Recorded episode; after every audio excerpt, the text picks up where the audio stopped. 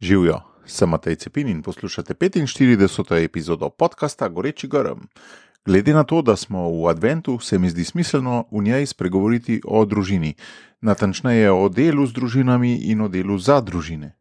Zato tokrat gostim Natalijo Podjavoršek, ženo, mamo ter učiteljico matematike in fizike iz Domžal, ki je v tamkajšnji župniji ustanovila tako imenovano družinsko katehezo. Stvar se je začela pred 11 leti, ko Nataliji, kot mami novopečenega šolarčka, ni bilo jasno, zakaj bi opravljala zgolj vlogo taksistke, ki otroka pripelje na verug in ga tam čaka, ko pa bi duhovne spodbude, morda še bolj kot sin, potrebovala v istem času tudi ona sama. Danes družinska kateheza v Domžalah združuje več deset družin, ki se tedensko dobivajo, pogovarjajo, športajo, letujejo, pripravljajo predstave, maše, predvsem pa jih kot navdih jemlje marsikatera druga župnija.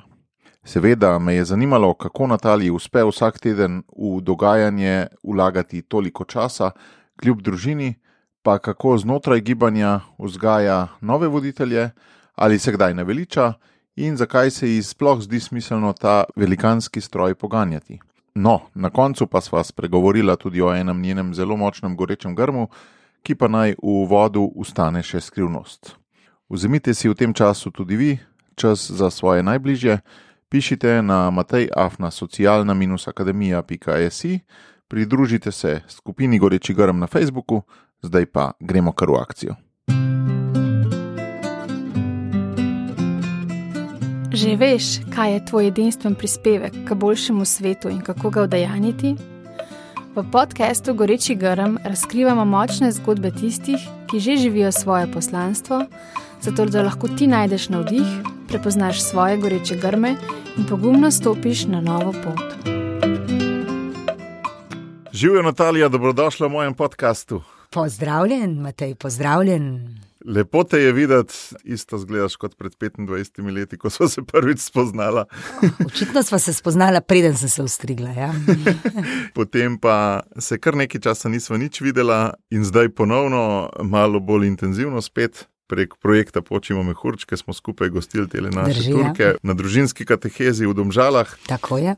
Ena stvar mi odseva v vsem tem času, ko sem te pred 25 leti spoznal na študentski skupini pri Patru Gostečniku, si bila tam tako med 100-150 ljudmi, tako daleč najbolj izstopajoča, najbolj aktivna, tista, ki se je angažirala za celo skupino.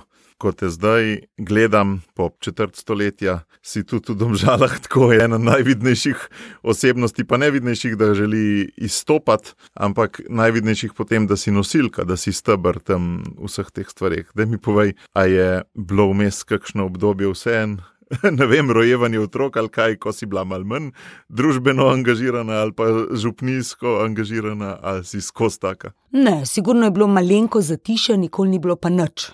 Meni so sicer rekli sodelavci, ko sem bila s prvim otrokom noseča, no se je zdaj le še, pa boš mogla pa stvari spustiti z rok. In jaz sem takrat rekla, le jaz bom spustila tisto, kar bom čutila, da ne morem več pelati, in isto bo mož naredil, ne bomo pa sam zaradi tega, ker sva se poročila, zdaj stvari spustila, pa pol, zato ker imamo otroke stvari spustila. Jaz vem, da sem takrat, ko sem rodila prvega otroka, da sem še vodila otroški zborček pri Frančiškanih na Tromostovju. In ko smo imeli krst, je bil krst čudovit, ampak jaz sem dirigirala, še vedno ti smo v zboru in sine je bil pač v naročju zraven, z eno roko si mako, z drugo je bil zraven. Zdaj je glasbenik, očitno stvari dobro vplivajo na njega. Ne, Se ne tako. vem, jaz se toliko ne spoznam na dirigiranje, pol če sam z eno roko mahaš, Ma gre, gre, gre. poje, Za ali- te, ne, ne, pojejo bojo, so bili navajeni tako. Si v tempo in pokazal, in to je šlo. Mi smo to peli tudi sam na poglede, to niso take prave dirigentske vode, ampak jaz pravim, petje s srcem, premašati je treba bolj kot eh, z glasom, pet za srcem. In pravijo, da to znam spodbuditi, petje s srcem, čeprav moja glasbena izobrazba ni. Ti mnogo, mnogo poslušalcev tega podcasta, vem za njih, je bilo blazno aktivnih do svoje poroke, do svoje ustanovitve družine, so bili skautski voditelji, oratorijski voditelji in podobne stvari. Potem se je pa kar mal, kaj misliš, je to v naši kulturi, da pol mal nehaš, ali je itak prav, ne? Lej, kaj? jaz včasih rečem, da je mogoče najbolj zaslužen za to, da sem jaz še vedno tako aktivna, uh, župnik v moji krstni župniji. Aha. Mi smo imeli tam gospoda župnika, ki ga nismo imeli najrajši, bil je pa tam vse čas, pa noč nismo smeli lajki delati, ker ničesar nismo znali. Ste bili ta pravi lajki, tudi v drugem pomenu. besede. Dobesedno, edino, kar sem lahko v tisti župniji delala, je bilo, da sem lahko na koro pela, ker ga je pač eh, vodila ena snunca, to od tretjega razreda naprej, in nič druga se ni dogajalo. In potem, ko enkrat prideš v Ljubljano, k Frančiškanom, prvič v cerko. In pride nekdo k tebi in reče: Boš ti danes berilo prebrala? In ti rečeš: Pa kje pa poslušaj, jaz sem zdaj prvič v prestolnici, jaz ne znam prebira, berila prebrati niti v svojem majhnem selu, kako ga bom tukaj prebrala. In te potem mal pogleda, pa prav, seveda ti to zmoreš. Ne? Ugotoviš, da obstajajo tudi skupnosti, kjer imamo lajki svoje mesto in da lahko delaš, kot želiš, če si le pripravljen. In da ti pri tem celo pomagajo, kličejo blagoslova na tvoje delo, in tako naprej. In ko enkrat to doživiš, ne maraš več suše. Imaš okus polne hrane. Ne? Tako ja, in potem nisi več zadovoljen s Saj čimerkoli. Euharistija štima tudi, če je pusta, ne? ampak imaš drug Ja, tako, okus. ne. tako. In ti imaš drug okus, in ti nekaj hočeš imeti, zate ni več zadost ena maša, ki je odpikana in to je končano, ampak ti veš. Da želiš pri maši srečevati brate in sestre, če pa želiš srečevati brate in sestre, pa pomeni, da moraš te ljudje spoznati, to pa pomeni, da moraš narediti eno skupnost in je potem to res eno veselo srečanje vernikov, otrok istega očeta. In se mi zdi, da se s tem enkrat okužiš in gre. Zdaj tako je, jaz imam samo dva živa otroka, enega imamo že v nebesih, več ni šlo. Takrat je bilo hudo, ko se je to zgodilo, pri tretjem. Pa je takrat pater Pavle Jakopov tako modro rekel, a našo zakonsko skupino vodi vse čas, že odkar sem jaz poročena. In je rekel, veš, jaz sem v bistvu vesel, da imaš ti samo dva živa otroka. Pa ga vsi tako malo grdo pogledamo, kaj se to človek gre, ne? Le, vse malo je egoistično, ampak poglej, če bi vsi ljudje, ki imajo smisel za delo z drugimi ljudmi, imeli velike družine, potem v tistem obdobju, ko imajo dejansko ve, največ energije, ne bi mogli delati z drugimi ljudmi. In taka širša skupnost ne bi imela kaj dosti od njih, sej ne na prostovoljni bazi, imaš službo, imaš družino, konec, ti imaš pa dva otroka, pa jaz verjamem, da boš lahko še kaj dobrega za druge naredila. Pa recimo, da je tu družinska kateheza zdaj eno od teh otrok, ki se pojavi, ker pač ni bilo priložnosti, oziroma zdravje ni dopuščalo še enega. Morda ta mali svetniček v nebesih, tudi zavetnik te vaše družinske kateheze v Domžalah. Nismo mu še nadeli tega imena, gotovo je pa pomembna oseba. No. Kako že pravijo, Bog zapre eno pot, odpre drugo. Sicer res, ko si v trenutnem trenutku, pa gledaš na stvari, te ene stvari jezijo, se ti ne zdijo v redu. Ne vidiš smisla, zakaj se to more dogajati, ampak na koncu vidiš, da se vse to tako lepo zapelje in da bi bilo prav škoda, če ne bi bilo tudi tiste grozne ovire, kamna ali karkoli tam na cesti, ki ti je že res šel na živce, ker si mogel iti po drugi poti, zato ker se marsikaj ne bi zgodilo, če ne bi bilo točno tako, kot je. Natalija, veš, koliko stvari si ti zdaj le navrgla v tem le odgovoru, kar prekipevam od vprašanj. Eno je recimo ta tvoj prihod v Ljubljano, to se že spomnim takrat, pred četrt stoletja si o njem govorila. Kdaj si sploh prišla v Ljubljano, s kakšnimi občutki si vstopila v tisto crkvu, kakšni goreči grmi so takrat bili, kakšne uvire so bile? Zdaj tako, jaz imam dve starejši sestri, ki sta mi malo utirali pot. Oni dve sta starejši, pred mano sta šli študirati. V Ljubljano jaz sem prišla še kot zadnja in obe sta bili kuhani in pečeni pri frančiškanih. Jaz sem poznala nekaj cilkašev, nekaj mladine, tega o tem. Hkrati sem pa vedela, da imajo moje sestre kar malce težav pri študiju, sploh na začetku, in zato sem se jaz za sveto zaobljubila, da jaz ne bom pri frančiškanih aktivna. Ampak da moja naloga bo to, da doštudiram z odliko, kot se šika, a ne. Edino, kjer sem si pustila malo odprta a, vrata, so bilo to, da sem pela pri Cilki, akademskem pevskem zboru, zraven pa študirala matematiko. To je res gledal vse čas tako, tega sem se držala, um, Koliko let? um, kar mesecih vpraši. Aha, v koliko let? Eno leto. Uh, jaz sem na tisto res hodila, drugi so me vabili, sestre pa to, da je prid, prid. Pa ko enkrat greš tako, te kar napadajo, da je prid, boš molo, to, to, to vse. Pa v bistvu to je še bilo prej, ko sem prišla še preko študenta delati nekaj v Ljubljano, da so mi že prišli reči za tisto. Kaj si bila še srednja šolka? Okay. Srednja šolka, tam konc srednje šole, ko jih res debelo pogledaš, ampak tam je bila pač praksa, le greš po cerkvi, to tudi jaz zdaj delam. Greš po cerkvi, malo pogledaš ljudi, rečeš biti. In to je to, sam pred mašo, da se še ima človek čas pogledati in tako. In, um, ja, to se je kmal končal. Kot sem se jaz upirala temu, da jaz pri frančiškanih ne bom več kot pri cilki. Bolj mi je Bog sporočil, sporočil take zanimive stvari. Uh, v stilu tem meseca maja sem jaz kar naenkrat sicer športnik, skup medaljam iz dolgih porok, še v srednji šoli zelo Tekaški dober, tekaški, dolgo pregaš. Jaz kar naenkrat nisem mogla priti v drugo nadstropje eh, študentskega doma, brez da bi se pihala kot ne vem kaj. Nisem prišla na rožnik, jaz, ki sem prej ne vem, kje vse lazla, zato ker je bilo to vse prenaporno. Ker mi je enostavno nisem mogla dihati. Neka bolezensko stanje. Bolezensko stanje, ja, tako Bog naredi, če se ti preveč upiraš, pa se imaš finga in samo zadostnega, ker misliš, da to, da delaš za cerkove stvari, da to te potem nekje nekaj stane, ne, da ne moreš eh, biti uspešen. Mimo grede naj povem, da sestre niste imele težav na začetku študija zaradi frančiškanov.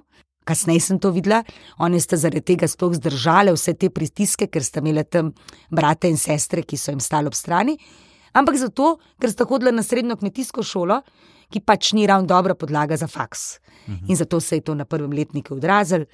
Pri meni se ni tok, pa ne zaradi tega, ker nisem bila aktivna pri frančiškanih, pa pri vseh misijonskih krožkih, pa posod, ampak zato, ker sem vseeno hodila na gimnazijo, pa je bil prehod lažji. Mhm.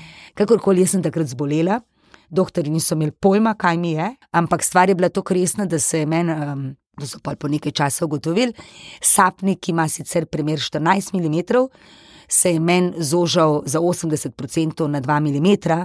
Ja, takrat pač ne moreš dihati. Ko so končno doktori ugotovili, kaj se je zgodilo, ne, kaj je, niso vedeli, zakaj se je, so samo rekli, da ti imaš vežati nekje tam zgoraj, da si sploh še živa in da hodiš okrog.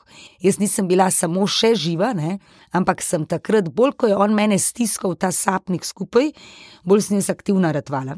Pet nisem mogla, zato so se takrat odprle stvari. Prišli so do mene, če bi bila Si pa zdaj animator. Drogo, ne? v zboru Ja. pa nisi mogla biti. Nisem mogla biti več, jaz sem bila prepričana, da hočem biti eh, v zboru, to ni šlo, jaz sem bila prepričana, da imam tako čudovit glas, da zbor je edina stvar, kjer je vredno, da jaz sem. In potem zbora nisem imela več. Poklical me je pater Selim, pa pater Marjančuk, pa bi ti bila animatorka, pa enkrat eden, drugič drugi. In potem sem jaz začela ugotavljati, kaj je to animatorstvo.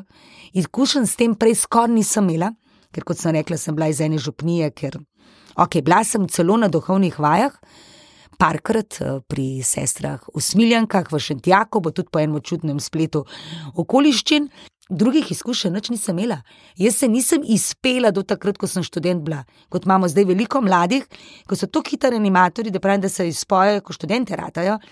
Jaz sem bila zagnana, ko sem študent ratala in mi energije še do zdaj ni zmanj- zmanjkalo. Se pravi, začnem tam z animatorstvom, um, najprej prvo obhajencev, pa smo že za tretji, četrti razred delali za skupince. Uh, hkrati je bil ta študentski verov, ki si ga prej omenil, ko se Pater Kristjan pojavi. In tam iščemo, kaj se da vse narediti, pa ustanovimo gledališko skupino, pa naredimo kolesarjenje, Eh, skrbim za maše študentske, zato da so.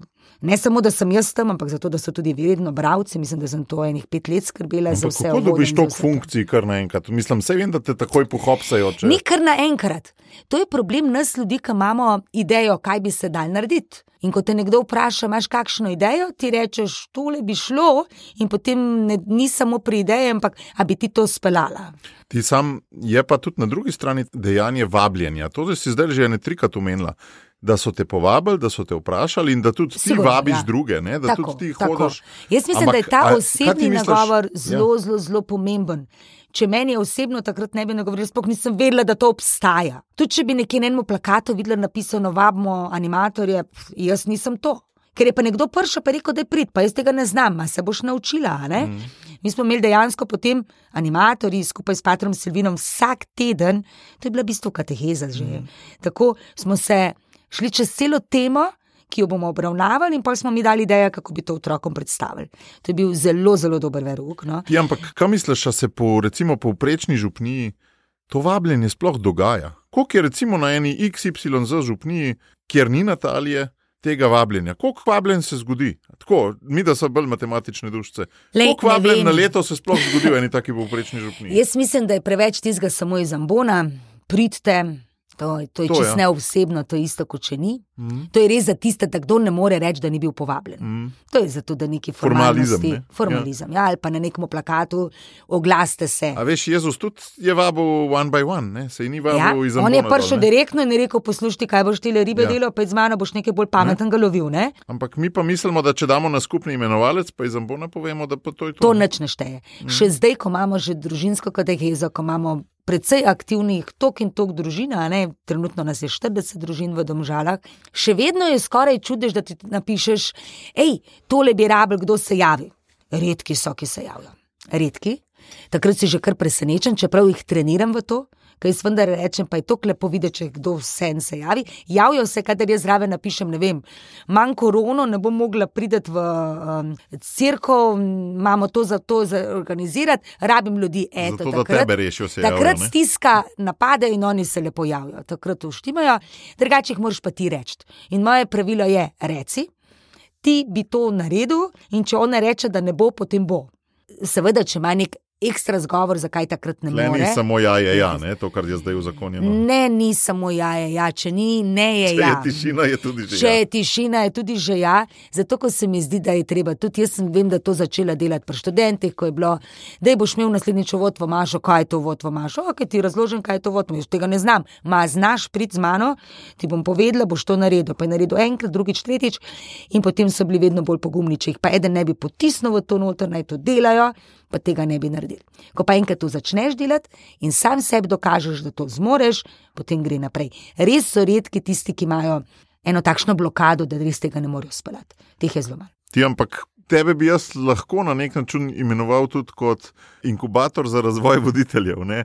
Tako, ob tebi veliko ljudi raste, neke cone obdobja preskoči, gre iz cone obdobja v cono učenja in gre v nek širši krok, se nekaj izkaže, nekaj naredi na večjem obsegu, kot je še recimo mesec dni nazaj. ne.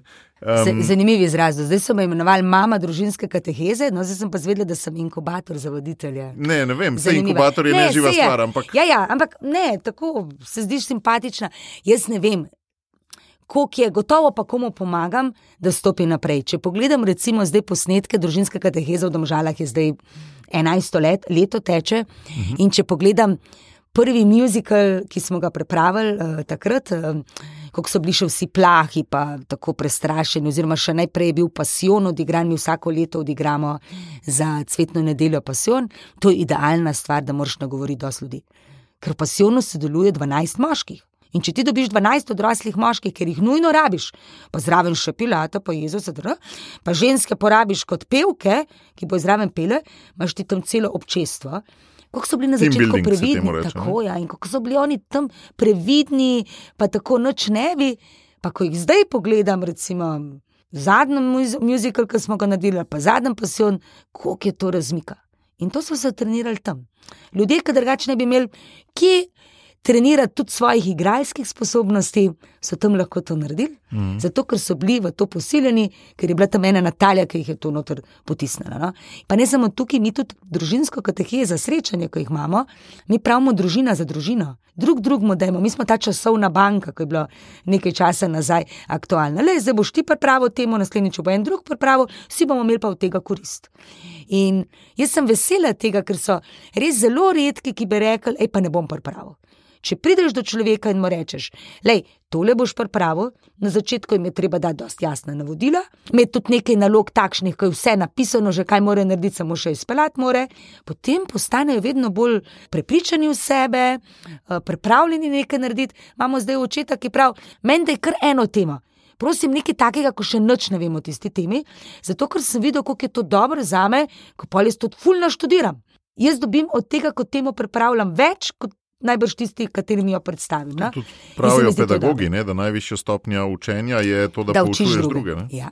Sploh mi, ki jim rečemo, zdaj pa pripravi temo, ne vem, o Erlihu in prosim, pripravijo za starše, za otroke druge triade, pa za otroke tretje triade. Ne? Tri variante. Tri variante na treh stopnjah, in oni rečejo, ok, vsebino imam, zdaj moram samo še najti metode, da bojo za vsem posod pasale noter. No? Koliko od 40 družin je takih, da so zmožni temo o Erlihu pripraviti na treh različnih Ne ravneh. vem, sprejel jo je eden, Ja. ja. ampak tako imamo pa recimo, jaz bom rekla, enih deset odraslih, ki so tega sposobni narediti mm. v tem trenutku. Bravo. Tako. To je 25%, to je veliko. Si predstavljaš, če bi To imela ni družba... 25%, ker so večina A ja, ja, učitelj in mame, 80, tako ja, da je ja. okay, Okej, ja. treba na polovico še dati. Tako, Ampak ja, ne. eh, Am, to je pa sva že blizu. Ne? Če bi imela družba 10% takih voditeljev, bi Ja, bilo super. bi bilo ne? zelo super. Mm. Bi bilo zelo super, zato ker bi se stvari res dogajale. Ker ne bi mi samo rekli, tako je in drugače ne more biti, ampak bi imeli v sebi tisto, okay, kaj lahko izboljšamo. To nam ni všeč, v redu, kaj lahko narediš, da bo drugače. Ne? Kaj si pripravljen vložiti, ne da samo ideje. Stoj za tem, da boš pripravil. Posledica je to, kar si prej vprašal, zakaj imaš potem naenkrat veliko nalog. Ja, jih imaš, ker velikrat spregovoriš. Um, jaz si včasih rečem, da ideja je, bo sprejel drug, ampak vsaj na začetku jo moraš potem tudi ti izpeljati, ker drugače to samo nekaj govorijo, besedičijo, naredijo pa noč ne. No. Konec koncev, tudi družinska se je tako začela. Ne? Mi smo imeli ŽPS, kjer smo imeli temo, da je treba z veroukom nekaj narediti, da ne razmišljamo, kaj bi bilo treba spremeniti. In to je delala cela Slovenija. Takrat, eh, 11 let nazaj, na to temo. A to je bila obvezna tema za ŽPS? Za Mislim, ŽPS kao, obvezna, knjigo smo imeli in tako naprej. Za vse mm. je bilo. Pač veru, ki je ni v redu, nekaj bo treba narediti. In potem so vsi delali ne vem, kje je teorije. Sam koliko se jih je pol prelil v prakso. Ne? Ne vem, jaz, ta se je. In mislim, da je bila tudi takrat edina, ne, ker smo jo pač nekako uspeli spraviti v družinsko katehezo, ampak to se je lepo sestavilo. Bog je najprej poskrbel, da sem v ŽPS prišla, potem je poskrbel, da je to bil glih čas, ko je moj otrok šel v prvi razred, se pravi, da sem že imela izkušnjo, kaj pomeni otroka voditi na redni veruk, ne, da si sam taksist, zgubljaš čas. Namesto da bi bil za svojo družino čim dlje časa, da bi imel neke skupne izkušnje, jaz ne morem iti z otrokom skupaj v glasbeno šolo inštrumenta se učiti igrati. Ne morem iti skupaj z njim košarke igrati, ne morem v šolo hoditi skupaj z njim, na veruk pa lahko grem, ker veruk je pa šola za celo življenje. Nikoli toliko ne znamo, da nam ne bi še malo koristilo. no. In to se pa vse skupaj sestavi. eh, Mnogo ljudi pač gre v sistema. Ne? Okay, tudi duhovniki so zadovoljni, že, če sploh otroka prepeleš k veruku. Ti si pa v bistvu rekla, kaj bi bilo lahko drugače. Ne? Oborožena sicer z mnogimi že prej študentskimi pastoralnimi študentskimi, s frančiškanskimi, uh, tudi konec koncev. Jaz sem se v Domžale preselila, se pravi, koliko je to bilo, pet let, šest let pred ustanovitvijo družinske kateheze. Dejva se, dejva se mi dva predstaviti v ta čas, ko te družinske kateheze še ni bilo. Okej. Se pravi, ni obstajal ime družinska Ne. kateheza, obstajalo je samo kupica jamranja o tem, da verouk ni v redu, Mhm. pa da je treba nekaj narediti, pa nisi vedel kaj. Ok, ti si imela to osebno potrebo, to je ta materinska levinja, veš, Tako, tista. tako. Otrok, ga bom pustila v ta tradicionalen veruk, tega jaz kot mati ne želim narediti. Ne? Ali kaj, Ja. In dejansko razumem, tistih pet let, ko si prej vprašal, če je bilo kdaj obdobje, ker nisem bila tako zelo aktivna, Aha. Je še najbolj bilo tam noter, ampak rečemo, ne tri leta, preden se je ustanovila družinska. Namreč jaz sem bila še v Mhm. član župnijskega sveta pri Frančiškanih, uh -huh. ko sem že živela v Domžalah. Nisi še čist zmigrirala. Ne. To je bilo tako, jaz sem celo obljubila Patru Pavlu, da je zumitev hodila skozi sem. Ampak poglej, takrat se najde Jankovič, ki zapre Ljubljano in ne moreš več z avtom priti do Frančiškanov. In se seliti z otroki iz Domžal do Ljubljane, pa nimaš tam kje avto pustiti, postane zoprno. In meni je postalo zelo mučno, jaz nisem mogla do Frančiškanov na vrtce pripeljati, hoditi tja na sestanke.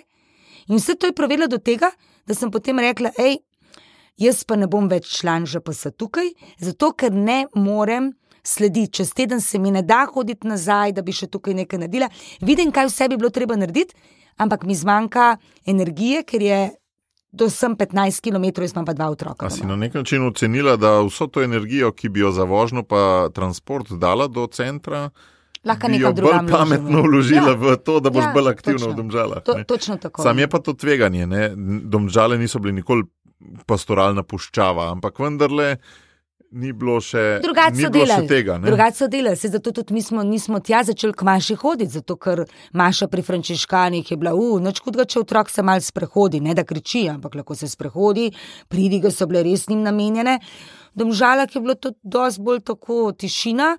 starši si niso upali otrok prpelati. Uh, uh, mi smo naše imeli, smo jih malo skrivali tam, da je tukaj pa pazi, tukaj si pa zdaj druge prmaši. Um, tako in pol čutiš, nekaj bo treba spremeniti, in potem si rečeš, ok, jaz sem zdaj tukaj, dve možnosti imam, ali se še vedno vozim k frančiškanom, ker je super in imam je za vse poskrbljeno in me poznajo, delam dosti, lahko naredim kar hočem, uh, me celo razvajajo, ker vse podprejo, ali pa se grem to. Da nekaj tega življenja, ki sem ga začutila, da je lahko v cerkvi, pa ne sem v domžalju. In potem začneš v tej smeri migati, v domžalah imamo katoliški vrtec. Na srečo so moji otroci bili sprejeti v katoliški vrtec, kjer je bila takrat sestra, zdaj že pokojna sestra Ivanka Tadina, ona tudi gotov prosi za našo družinsko katehezo v tem zgori. In ona je bila tudi taka žena, ki je rekla: bomo imeli šolo za starše, smo prihajali skupaj in sočasno je poskrbela za varstvo otrok. Na drugi strani pa je mene tudi potunkala, da sem v tem vrtu začela imeti vsak teden Jaz sem imela službo takrat v bolnišnični šoli po povdanskem času in do povdneve sem imela še kar frej. Rekla, poslušaj, ti otroke pripelješ, bila ka imela ti tukaj še eno uro frančiškovih otrok. In sem jaz mislim, da to dve ali tri leta imela. Tudi v vrtu sem pripravljala, to je bila to obdobje suše. Ker drugih stvari nisem imela, sem lahko tam delala. Ne? A veš, za te obdobje suše več kot povprečen odrasel katoličan. Ampak kakorkoli že. Tam smo začeli delati, skupaj z vzgojiteljcem pripravljati božičnice. Pa sem jaz tako rekla, kaj če bi starši pel na božičnicah, pa so starši prišli zraven, pa smo imeli pevske vaje, pa smo se zopet malo spoznali. In to se je kar nekako gradilo, in potem smo že prišli do tega, da smo pa pasijon naredili. Pa še to smo naredili, da smo uvedli, da bodo družine, ki so povezane z vrtcem, enkrat na mesec oblikovali družinsko mašo. Kot domžalah je bila družinska maša z ljudskim petjem, doben zbor ni bil, preko vrca in staršev vrca, pač tisti, ki smo bili iz domžal, smo začeli vstopati v to noter. In ko je enkrat potem prišla do tega, da so naši otroci šli v šolo, konec koncev, jaz sem izgubila družbo iz vrca, kaj hočem vrtec nazaj hoditi, če moji otroci niso več v vrtu, pa še par je bilo takšnih. Smo mi enostavno lahko začeli družinsko katehezo, so se zelo hitro odzvali povabilo, kar se mogoče drugače ne bi. Tako pa so imeli izkušnjo nečesa, pa so rekli, mi želimo v skupnosti biti naprej. No, pa kaj bi bil zdaj tisti preklop iz A v B v smislu, smo tam sanjali, kaj bi bilo z verukom treba narediti, kaj je bilo pa tista prva stvar, ki ste jo. To je bilo zelo hitro. Mesec maj je bil, ko sem jaz na ŽPS rekla, imam idejo. Jaz predlagam, da na mesto običajnega veruka ponudimo še eno možnost za veruk. Temu veruku se bo rekla družinska kateheza. To smo si izmislili sem že predebatirala stvari z svojima sestrama, Jano in Mihelino, ker sta obe katehistini, jaz nisem, jaz sem samo animator, bila tudi predsednica Frančiškovih otrok in mladine, tako da nekaj izkušenj sem imela, tudi nekaj pogleda čez mejo, ker smo pač eh, v okviru narodnega sveta kar precej šli naokrog, da sem spoznavala, kaj vse se da dogajati. Zdaj, ampak sem z njima predebatirala in se strinjata, da bi to bilo mogoče narediti. Kako bi to izgledalo? In jaz sem imela pripravljen scenarij. Ja, to bi mi imeli tako, le 60 minut bi trajalo, cele družine bi prišle skupaj, imeli bi kratek skupni uvod, nekaj bi zmolili, nekaj zapel, potem bi šli pa večino primerov na razen, posebej otroci, tam mehni, predšolski, prva triada, druga triada, takrat še nismo imeli tretje triade na začetku, eh, starši posebej, za vsakega bi bila neka tema pripravljena. In potem bi po 45 minutah stvar zaključili, in to je to. Pa me gledajo, pa pravi enoče, ja, v redu, se to bi bila pa dobra interesna dejavnost, v župni je neka ne neinteresna dejavnost. Družinam je treba pustiti, da so čim več skupaj. Zato se lahko gremo to samo, če je to na mesto običajnega veruka, da ti lahko izbereš običajni veruk ali družinsko katehezo. Tukaj so bili skeptiki, predvsem lajki in to mladi starši. Kako boš pa učila veruk? Ja, kater delovni zvezek boste pa uporabljali, če boš imela tri razrede skupaj združene? To je za oratorij, tam so otroci med seboj pomešani. Ker jaz sem s tem prišla, jaz sem tudi sama kar nekaj oratorijev, pri frančiškanih vodila, a ne. Še potem v sušnih letih, ko sem že imela otroke, sem imela čas za to. Se reka, če tam kateheze lahko za tri razrede skupaj, potem je lahko tudi vsak teden ena ura kateheze za tri razrede skupaj. Kaj pa delovni zvezki? Tukaj mi je prišlo prav to, da sem jaz učitelj, ko sem povedala, gledaj, jaz kot učitelj imam nalogo, da otroke naučim matematiko. Vseeno je, ali uporabljam delovni zvezek ali ne. Sploh pa ne, da bi bil predpisan en delovni zvezek, ki se ga bi uporabljal 40 let, brez da bi se kar noter koli spremenil. mi tega ne bomo imeli. Naš edini učbenik bo svetopismo, otroci bomo imeli pa še zvezek zraven in to je to. In za čudo je potem takratni župnik, Jan Šimen, zdaj je v Krajnski gori, mislim, da še vedno, je rekel: Veste, kaj, gospa Podjavršek, on je bil zelo strok. In redko kdo se mu je upal kaj reči, zato ker so se bali, da bo rekel, da rekel ne. ne? Sem pa rekel, če je bilo vprašanje, imate kakšne predloge, jaz imam konkreten predlog. Poslušajte, če zberete pet družin, vam dam še katehistinjo in lahko to začnete, in je to na mesto verouka. Kako bo z ocenami, jaz sem takoj povedala, jaz verouka ne bi ocenjevala, to je bil tudi en preklop. Kaj boste spričevalo napisali? Napisala bom, da so opravili. In napisali bomo noter, kje so bili aktivni. In to še zdaj delamo. Mi ne dajemo spričevala za oceno, ampak samo obiskoval je družinsko katehezo, to je na desni strani, na levi strani pa napišemo. Sodeloval je v triklajevski akciji, bral je berila, prošne, odvisno, koliko so stari otroci. Um, bil med pripravo, ne vem, za pasion eno stvarco, uh, bil je scout, ministrant, pevec tako. Igral je z violino pri Maši. Vse to jim piše noter, da imajo dnevnik, da lahko kasneje pogledajo, kdaj so prvič v cerkvi naredili kaj pametnega. To je noter zapisano. In on je rekel: lahko, pet družin. Če pa jih ni pet, potem pa ne. In potem sem jaz čakala, da dobim teh pet družin. Celo poletje je minilo, bil je že 10. august, ker nismo vedeli, ali bomo septembra štartali ali ne, ker sem imela samo štiri družine. Ker jih res ni tako enostavno dobiti na začetku. Ja, pa sploh poletne. Ne? Sploh poletne, pa konec koncev ne pozabimo, jaz sem se v Domžale preselila, jaz sem bila takrat šele šest let v Domžala. Nisem bila ti jaz tam neka, neka persona. Ja. Tako noter. Potem me nekega dne pokliče ena družina, pa pravi: Čoj, posluš, bo potem to. Pa jaz rečem, hočeš reči, da je vaša družina zraven? Ja, itak. Ja, zakaj mi niste povedali, ker to sem jim pa sporočala? Zdaj nas je pet, smo sklicali prvi sestanek tam konca avgusta. In na prvi sestanek sem župniku povedala, imamo pet družin, rekel prav, začnete, njega ni bilo zraven, res sem imel ogromno stvari. To je velika župnija in on ni imel dobenega pomočnika, dobenega kaplana, za vse je bil sam. Rekel prav, začnite in pol po sestanku me pokliče, kako je bilo. Pravim, super je bilo. In koliko vas je prišlo, so, je prišlo vseh pet, nekaj ne pet, prišlo je dvanajst družin. In iz tega potem je naprej šla stvar eh, skozi. Se pravi, redki so tisti, ki upajo tvegati na začetku, ko se pa stvar začne dogajati, potem pridejo. Mi smo pač napisali, da je to pilotski projekt, dobesedno tako. Jaz ne vem, da bi kje v Evropi obstajal ali pa na svetu če obstaja. No, Verjetno, ampak upamo, ne veš. ne veš. Mi smo se zdaj potrudili, da smo naredili en posnetek za podnapisi angliški, mi ga malo lansira, ven tudi na svetovnem srečanju družin. Ravno zato, ker ni treba, da vsak rojeva na novo. Ta stvar je zdaj, na začetku je bilo seveda vprašanje. Prvo je bilo, preden je se družina pridružila, je bilo, ali se gospod Župnik strinja. Gospod Župnik se strinja. Ali imaš kov kaj proti? Pa smo rekli, da nima nič proti. Ker ga nismo vprašali. Še ni vedel. Zdaj škofe to priznavajo. So, mislim, da po treh, štirih letih so škofe dejansko preko katehetskega urada dal družinsko katehezo kot eno od oblik eh, kateheze. Tako da zdaj je to formalno, takrat ni bilo. Mi smo bili res tisti začetki, začetki. Ne? Tudi eh, starši so se upisali na družinsko katehezo, ampak otroke so upisali še k rednemu veruku za vsak slučaj. Eh, jaz sem rekel, v redu, ni težava, pa so pa jo opuščali pa so bili pridružinski. In potem je stvar zalaufala. Ko smo pa enkrat začeli, tudi na začetku, recimo, smo otroke, ki so bili prvi obhajenci, pred prvim obhajilom za tri mesece poslali tja. Tudi birmancev nismo imeli. Polko smo jih že imeli, smo jih tudi birmance poslali, da so redno hodili tisto leto še z birmanci. Na kar so nam oni otroci sami rekli, da je to res čudno, da dve leti so bili na družinski katehezi in so zelo globoko šli v vero, potem so prišli pa skupaj za večino, tam so prišli, vse veste, preveril, ko se otroci molijo, že ne vem kaj vse, pa tisti, ki se ne znajo pokrižati. Ne? In zdaj, če so prišli iz baze družinske k rednemu veruku, so padli stopničko niže in to takrat pred zakramenti, ki bo mogel iti više. Tako da smo potem kar kmalo vedeli, pač to je sam župnik rekel, ni težava, mejte vi prvo obhajence skozi. Vidim, da jih zelo dobro pripravljate, uh, je vredno stvar.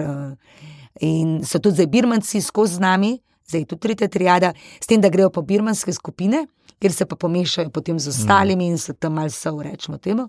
Se mi zdi tudi dobro za vse starše, prvobhajencev in birmancev v domžalah. Recimo, da je zdaj že razmerje tretjina družinska, dve tretjini ostale, nekje tako pride zdaj že, odvisno, kje je leto.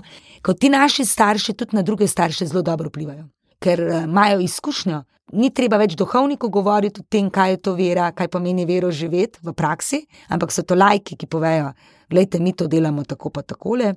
Pa nismo to neki fanatiki, mi smo ljudje, ki smo zelo dobre volje, radi pa delamo marsikaj skupaj. Mm. Ne samo k veru, ko hodimo, ampak tudi na počitnice, v gore, kamorkoli. Mm. Ja, kaj so še te nadgradnje? Vem, da ste na morje hodili, gore. Hodim. Na morje zdaj že precej časa.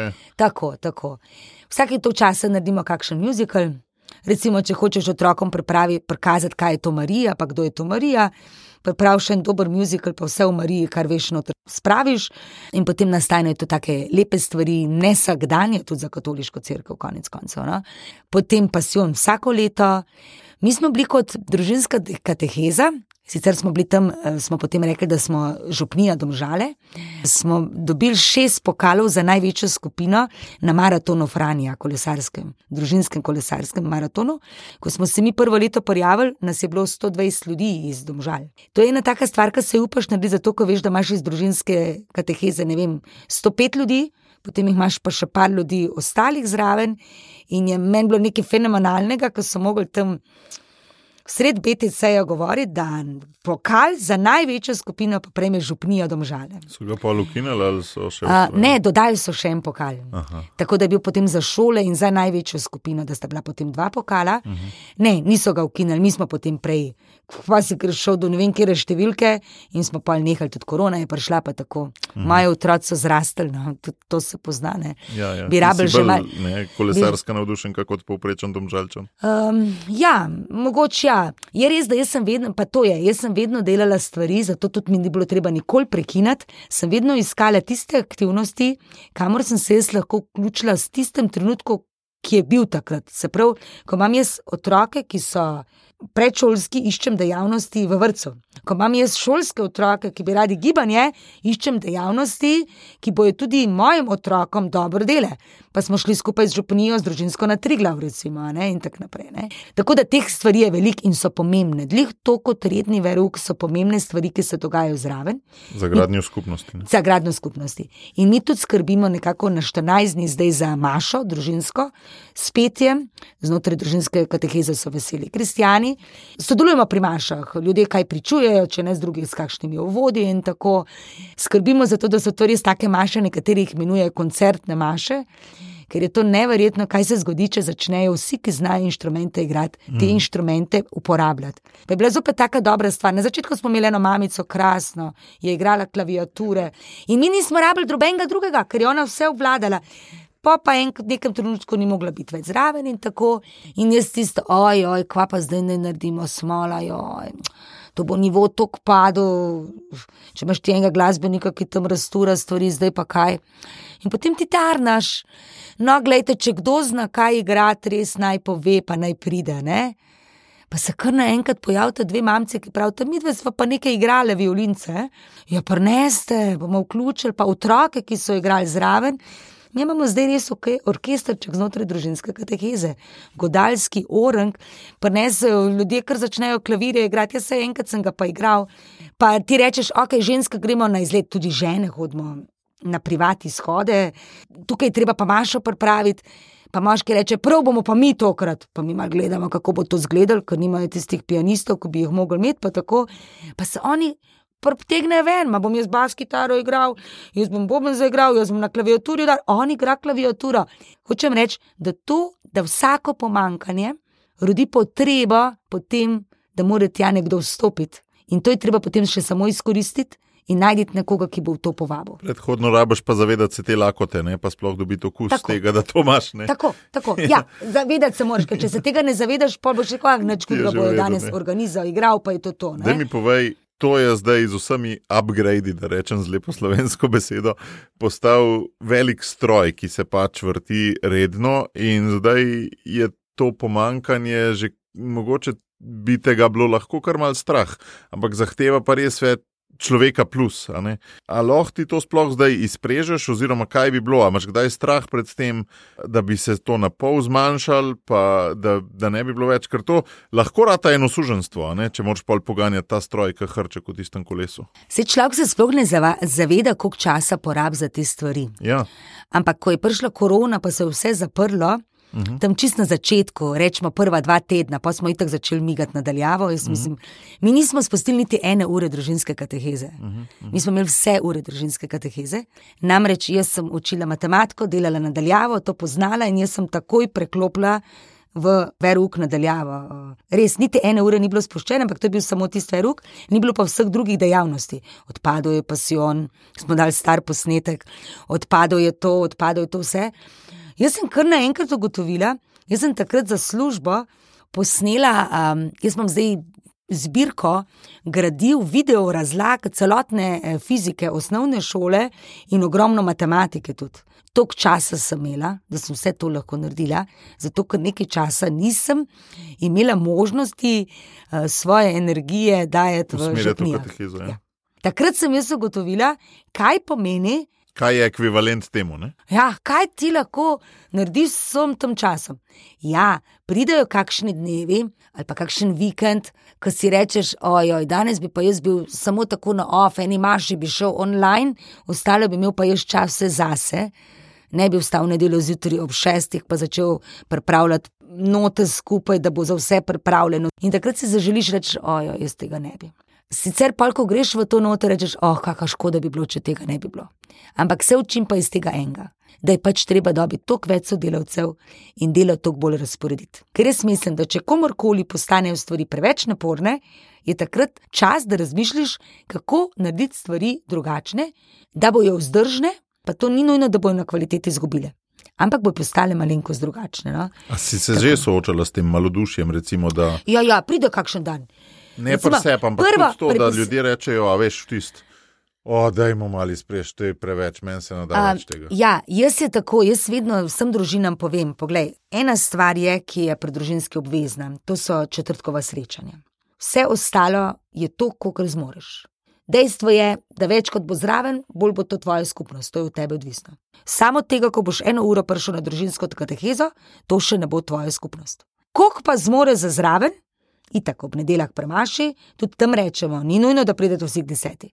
Pa je tako ostalim, molte, pripravite vode, berte berila, poj na drugem koru, vse v redu. Tudi mi imamo nekaj ljudi, ki niso iz domžal, so iz drugih župni, ker pač družinske ni povsod, pa pridejo. Tam tudi spodbujamo, sodeluj v svoji župni, ne hodi sem. Ne? In seveda, ja, kdaj ti pride, da rečeš, hej, uh, tudi kdo v družini ne zmore v nekem obdobju, rečeš ne se znemirjati, pršo bo čas, ko boš tudi ti zmogel. V bistvu jaz vidim bolj težavo to, da te družine, ko so, ko vidijo druge družine, kako dajo, da imajo slab občutek za to, ker ima mogoče pet otrok, pa ne morejo v tem trenutku to dajati naprej. Ne? Rečem, počakaj. Prvo bo čas, tvoj otrok bo izrastel, zdaj naredi toliko, koliko lahko. V nekem trenutku boš pa ti začel pijačo pripravljati in dati naprej, ne se znemirjati zaradi tega.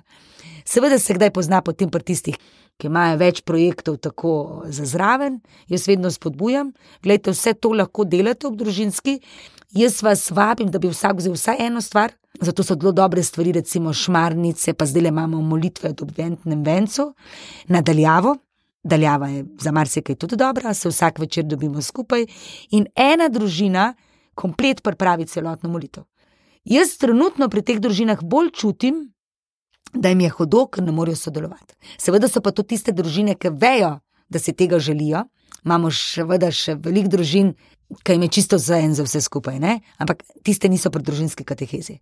V družinski katehezi pridajo tiste, ki so se za to zavestno odločile, ker so rekle: želimo dati otroku in celi naši družini nekaj več. Že za učlenitvijo se zavežeš k neki aktivni participaciji. Tako, ne? tako. S tem, da mi potem tukaj res uh, dol devamo, je pa lažje, ta stroj ni odvisen samo od mene, ti ljudje lahko zdržijo tudi brez mene že. In jaz sem prepričana, da tudi če karkoli to veš. Ker to je pa res, takrat se pa vidi uh, rodovitnost. Ja. Ko gre voditelj stran, pa stvar ostane. Ne? Kako, kaj ti daje um, upanje, da je tako? Upanje mi daje to, da zdaj, tudi če jaz kdaj pa kdaj pač zmanjknem, ali zbolim, ali karkoli je, pa ne morem delati, stvari tečejo naprej. Lek zdaj smo imeli akademijo včasih brezmadežni, jaz sem zbolela, korona, bodi doma. Ne? Oni so imeli ene napotke, to je bilo res tako. Jaz sem lahko vedno vodja nadaljavo. Sem bila nadaljavo, ampak sem že lahko vstopila pred časom ne bi bili oni sposobni tega Aha. sami speljati. Torej, vidiš ta rast, eh, ja, matematični rast, odvod. Vidiš. Tako, vidim to rast in uh, vidim, da bi se dali, sigurno se bi spremenili. In tudi ni nič na- narobe, mi vemo, pri matematiki imamo sinusoide, gor dol, gor dol, to je normalno povsod. Mm. In zagotovo, ko bom šla v stran, si je bilo tudi pri Frančiškovih otrokih tako in povsod. Je malo razlika, ampak pride pa potem drugače pa gor. Jaz pravim, tem dol in gor ni nič narobe. Mm. Ker če bi šli sem gor, bogi za namci, kaj bo mogli narediti, da bo tisti nivo dosegli. Točno tako. Torej, bolj, da čuvar mal pade, pa se lepo začne zlagati gor, pa je zopet gor, pa so zadovoljni, pogled, kako napredujemo. Grozno je tistim, ki so v tisti fazi, ko sem pol dol. Smo že imeli tudi primeri, ja, tako, ko sem jaz prišla k družinski, imeli smo temo, kako odreagiram, kje sem jaz kot voditelj te stvari. Ko sem prišla tja, oni niso vedeli, da si izmišljujem, ampak sem rekla, gledajte, jaz sem dobila, mož je dobil službo ne vem kje v tujini, cela družina se bo tja preselila in mi moramo si tole uro. Tole uro moramo res najti um, nekoga, oziroma skupino, ki bo družinsko pelal naprej. In sem videla takrat, da ne bo stvari propadle. Ljudje so začeli iskati, kaj lahko delajo, ne kaj ne morejo delati. Seveda so si na koncu oddahnili, ko sem jaz povedala, da je bil to samo za ta, zato da je stvar bolj dejansko prišla, da ni bilo samo hipotetično. Ampak jaz sem videla, da so ljudje, ki znajo migati, ki znajo narediti stvari. Ampak tema je bila Tako. kaj, kako reagiram na težavo A, mislim, da je bilo to, da mora vsak od nas prevzeti svoj del. Aha. Tako. Da bila od nas, vsak od nas, ne vem točno, kaj je Izkustvena tema. Zelo izkustvena je bila. Verjeli so pa čisto zato, ker moj mož je pač eh, res velik na poti v tujini in um, se jim je zdelo čisto verjetno, da bi se kaj takega zgodilo. No? Dej. Eni eh, so tudi jokali, ampak To je pa tebe potolažilo, da, da se- vsem se je nekaj zgodilo. Ne, mislim tako, ne, ne, vsi so bili šokirani, so gledali, ampak pri meni so navajeni marsičesa, zdaj se že smejijo, ko jaz rečem, le. Mm. Imeli bomo program, ne vem, na morju. Jaz nočem tam, da bi zdaj ljudje, ne vem, vadili en muzikal, pa zato noč od morja imeli, ampak jim samo rečem, bomo pripravili program in mi že pišemo plakate, naj pridejo gledati, oni še ne znajo stvari. In jaz rečem, ne skrbite, do takrat imamo še toliko časa. Oni gledajo in najprej so bili skeptični, ko pa to trikrat uspe, pa rečejo, zaupamo. Mm. In tukaj se mi zdi, zaupaj sebi. To to, ja. Potem so vas pa že začeli tudi uh, kopirati, oziroma ne čist kopirati, ampak vas vzeti za navdih tudi v drugih župnijah, in tukaj je pa potem že ta rodovitnost, ne? ko se pa Jaz sem, jaz sem vesela tega, da se stvari širijo. dogajajo, ne? Tako, tako, tako. Mi smo začeli ravno zaradi tega, ker eh, je bilo ogromno klicev, ogromno ljudi pride pogledati, kako to teče. Jaz zdaj že ne vem. Puh, po mojem, že osem let hodim na teološko fakulteto, kjer um, se srečam s vsemi bodočimi novomašniki in jim predstavim družinsko katehezo. Model. Tako, predstavim model družinske kateheze, tako da ga poznajo, ko tam odidejo. Od tam smo dobili povabilo in se na to rada odzovem. Tudi Slezijanci so nas recimo poklicali, ne predstavimo. Mar se katera župnija tako pokliče. Velike pa tudi tega, ko kličejo župni lajki. Mi bi želeli nekaj narediti. In se potem oni informirajo, potem doma povežejo župnikom in gor in dol, in zdaj ratujejo skupince. In jaz mislim, da je to smer, kjer bo počasi tako, da vsaj vsaka dekanija bi bilo prav, da bi imela vsaj eno skupino družinske kateheze, zato ker je to ena krasna skupnost, res taka, kot je bila v prvi cerkvi, kjer smo skupaj v dobrem in slabem. To so ljudje, ki so res povezani. Ko se enkrat v taki skupnosti ni več dilema, komu boš rekel za botra, kar jih ima drugače veliko, recimo za birmskega botra, krstnega botra, mm. komu dati. Tukaj noter so zdaj vse prepleteni, mm. drug drugega nagovarjajo. Tako da zdaj je stvar že razširjanja družinske No, v osnovi gre za to, da smo najprej ljudje, šele pol kristijani, in da tudi crkva je najprej skupnost, šele potem Ja. je Kristusovo Ja. telo. Ja. In mi moramo v cerkvi zelo gledati za to, da tiste potrebe, ki jih imamo kot ljudje, to je druženje, športanje, konec koncev, naši moški redno hodijo športati skupaj, že, že par let, povabijo še koga drugega zraven, če pride, ampak oni so tam skupaj, da te potrebe začnemo uresničevati v župnijah. Ker potem bojo ljudje dobili, kar potrebujejo, in Maša jim bo naenkrat postala veselje, ne več nuja. Ti bo hudo, če ne boš tam, ne pa več nuja. No? In to se mi zdi. Ti, katera spletna stran je, če bo šel kdo pogooglati? Naj napiše družinska kateheza domžale, pa bo slejko prej dobil. Mnogi pravijo, in tudi jaz se na nek način strinjam, da tale aktivizem ni vedno rešitev, ker ti si vendarle zdaj le vse čas govorila o aktivizmu. Se pravi, treba je delati, treba je to dejavnost, ono dejavnost, tretjo dejavnost, ne? ampak vseeno vse izvira Mi tudi najbrž molimo. tudi nekje drugje. O, ne. seveda, mi ogromno molimo. Dejansko imamo to srečo, da lahko okušamo, kakšna je moč naše molitve. Ko se je iskal. Že takrat, ko je bilo za, pap, ne, za, za škofa, ker ni bilo ljubljanskega škofa, dolgo časa, mislim, je bilo tako negotovo, smo mi rekli, noč mi bomo pa zdaj molili. Vsak večer, vse družine, ob tej in tej uri smo imeli kar molitveno navezo, sklenjeno za to, da dobimo škofa. To je bil en posni čas, pa mislim, da je bilo potem kar mal na začetku posnega časa, smo dobili ime škofa. In potem mi nismo več vedeli, kaj naj delamo, ker molitev je bila uresničena po štirih dneh naše molitve. Pa prej ni bilo nič o tem, da se bo kaj zgodilo. Tudi ogromno naših se odloča, zdaj je zanimivo, ne so z družinske katehezi, pa se še odločajo, da grejo v posnem času v Fiat oziroma po novem letu, moški v Exodus. Kar pomeni, da ko enkrat ti začneš to živeti, sam začutiš potrebo, bi še. Hodimo tudi na duhovne vaje vsako leto. To, da sodelujemo pri mašah redno, je isto pač molitev zraven. Mestno se tudi pojavlja potreba, da mi začnemo moliti kot eh, družine in smo imeli molitev pred najsvetejšim vsak mesec, eh, ker smo videli, da ja, mi lahko delamo, če imamo blagoslov od zgoraj. Ja. Če ga nimamo, bo tole itak propadlo. ne. Meni je tudi lepo, ker je postalo čist ne, da se bi kdaj dogovarjali, ampak ljudje kar napišejo. Ej, jaz bi res prosil, če lahko danes molite, to pa to se je zgodilo z mojo sestro, to pa to se je zgodilo v naši družini, bi prosil za kakšen oče naš. In to tudi ljudje, ki bi reka, ma se niso tako zloverni, kaj jim to pomeni, ne? pa kim je. Tudi mnogi v družinski katehezi so rekli, ko si včasih reče, vsem pridejo samo tisti ljudje, ki so res tako verni, ki jih že molijo, pa vse skozi. Ker niso znali zdravih mariz moliti. Družinsko so prišli zato, ker so otroci imeli treninge, pa niso vedeli, kam jih ne dajo k veruku, pa so jih k nam pripeljali. Mi smo pa polk mal imeli adventno akcijo, da bomo molili vsak večer, ne vem kaj vse. Ne? In uh, so rekli, pa mi smo začeli moliti rožni venec, najprej z listki, na koncu ga znamo in nam je to veliko pomoč. Tako da, ja, ponavadi se vidi tisti aktivizem, ne vidi se tok molitev v zadnji. Ampak jaz mislim, da je to nujno potrebno. Ker če ne bi bilo tistih um, luči, ko kažemo na vzven, da se nekaj dogaja, ne bi nagovarjali ljudi. Mi jih nagovarjamo, ampak zato, da lahko pa vse to počnemo, je pa nekaj v zadju. Ko ti začneš pasijon pripravljati, ti ga moraš izmoliti. To je sprem čase kot ikono. Izmoliš, tako izmoliš tudi ne vem te stvari, ki jih delamo. Drugače bi lahko matrali, ne vem koliko, to niso stvari, ki so ne vem na kakšnem vrhuncu narejeno, dotelano, vse stvari, vse so pa srčne.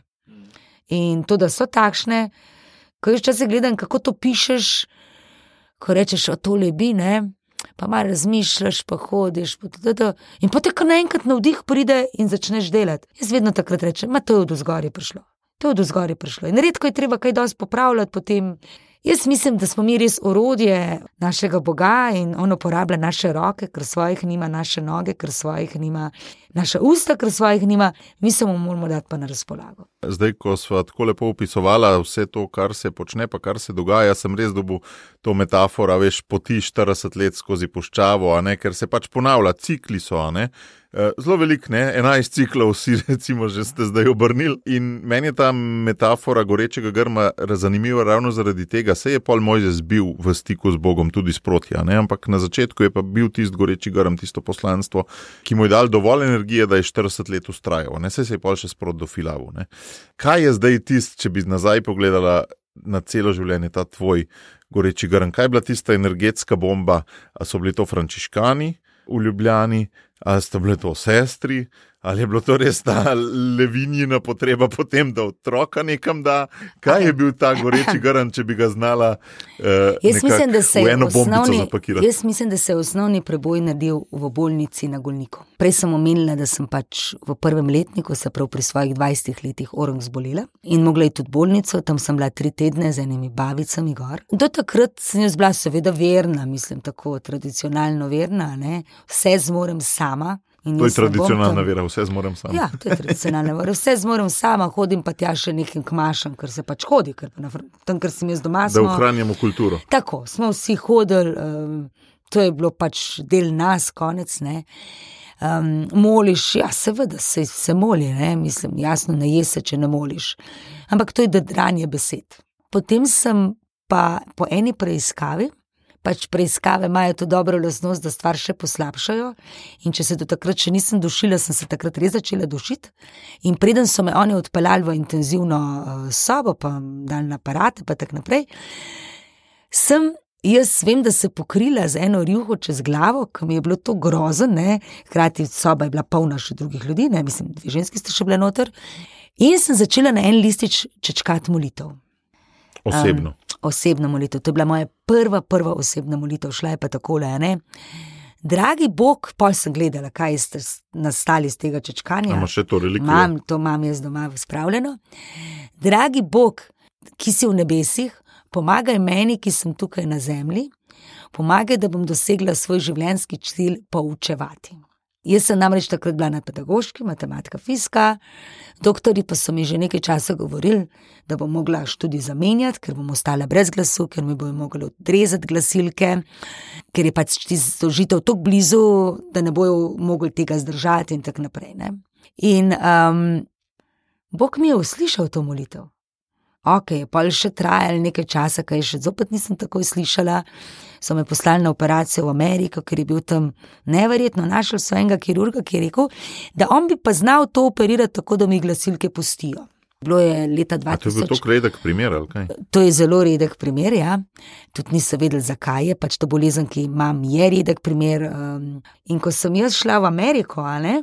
Seveda, leh takrat sem bila jaz predsednica Frančiškovih otrok cele Slovenije in mladine, aktivna na stoj na enem področju. In če en takšen človek mora iti zaradi težav za zdravje v Ameriko na operacijo, ti ljudje začnejo moliti. Ne? Ko sem šla gor, so rekli, naši doktori trije te morajo pregledati, povedati, da je stvar tako huda, da te pošlje gor, da ti zavarovalnica plača in tako naprej. Ne? To je bilo na začetku moje službene poti, potem, da brez veze, da hodim gor. K, Mislim, brez veze, da ne vejo, če je smiselno, da grem tisto trenutko gor, ker je sapnik tako zelo zožen, da si doktor gotovo ne bo upal operirati, ker je preveč zožen. Ampak da naj grem, ker je že vse zmenjeno, da me bojo poslali domov in bom potem šla čez par tednov po eni oring terapiji, kemoterapijo ti potem dajo nazaj gor. Sekle so, ok, v redu. Ampak um, prvi čudež, ko se je potem zgodil, ko je Bog začel odgovarjati na tisto mojo prošnjo tam, je bil ta, da je ta doktor rekel, da bo drugi dan operacije.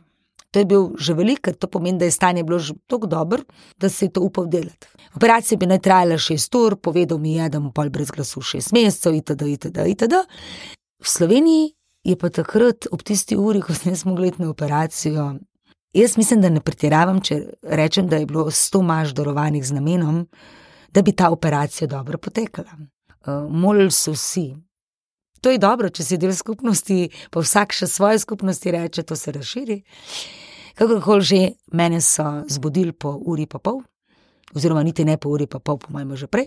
A je preden sem šla v operacijsko, sem še dobila bolniško maziljenje, ker v Ameriki je to normalno, da te predoperacijski ustavijo in rečejo, če želiš, bi. Oni so me zbudili, eh, našli so eno hrvatico, da to do šoka ne bi doživela, ki me je budila. Možete se prebuditi, operacija ni potrebna. Sapnik se je tako razširil, da me niso operirali. Doktorjem v Sloveniji ni bilo čisto noč jasno, ker to so mogli biti trije neodvisni doktori, ki so stvar pregledali.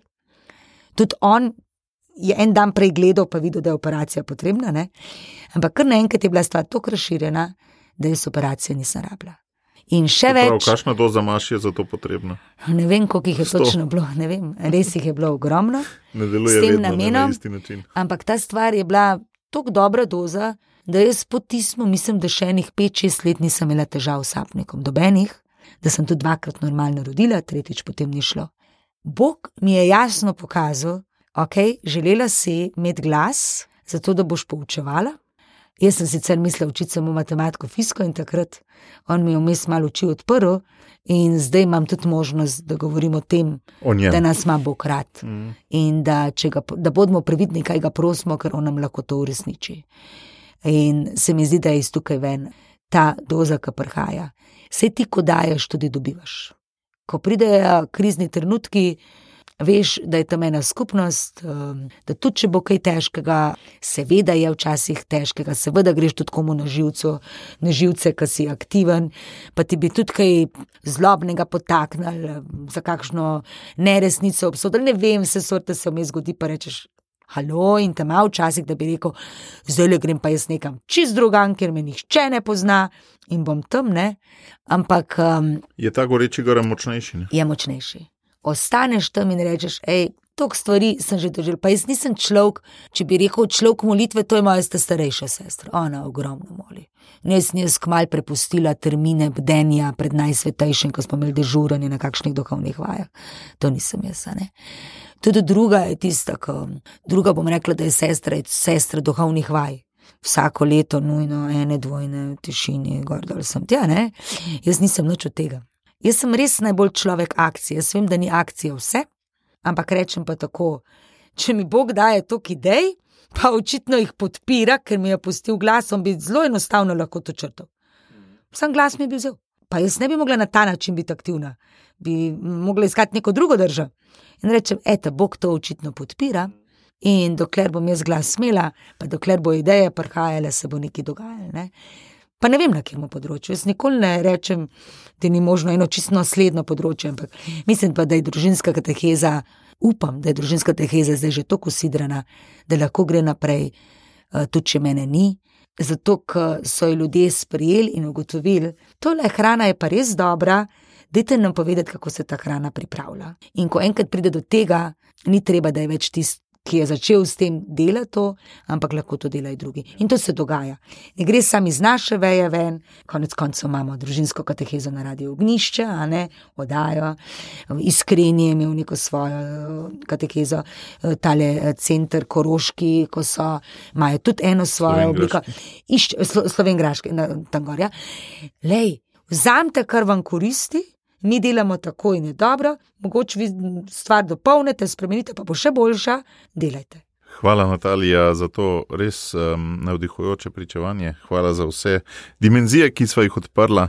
Na koncu tudi to res uh, običajno z gosti pridemo iz gorečih grmov na debato o družbi, življenju, vesolju in sploh vsem. Mi dva smo imeli pa najprej debato o življenju, vesolju in sploh vsem in na koncu prišla do enega zelo močnega gorečega grma, ki si ga podelila in res sem ti hvaležen in lepo te je poznati že četrt stoletja. Enako, Matej, ker tako naprej.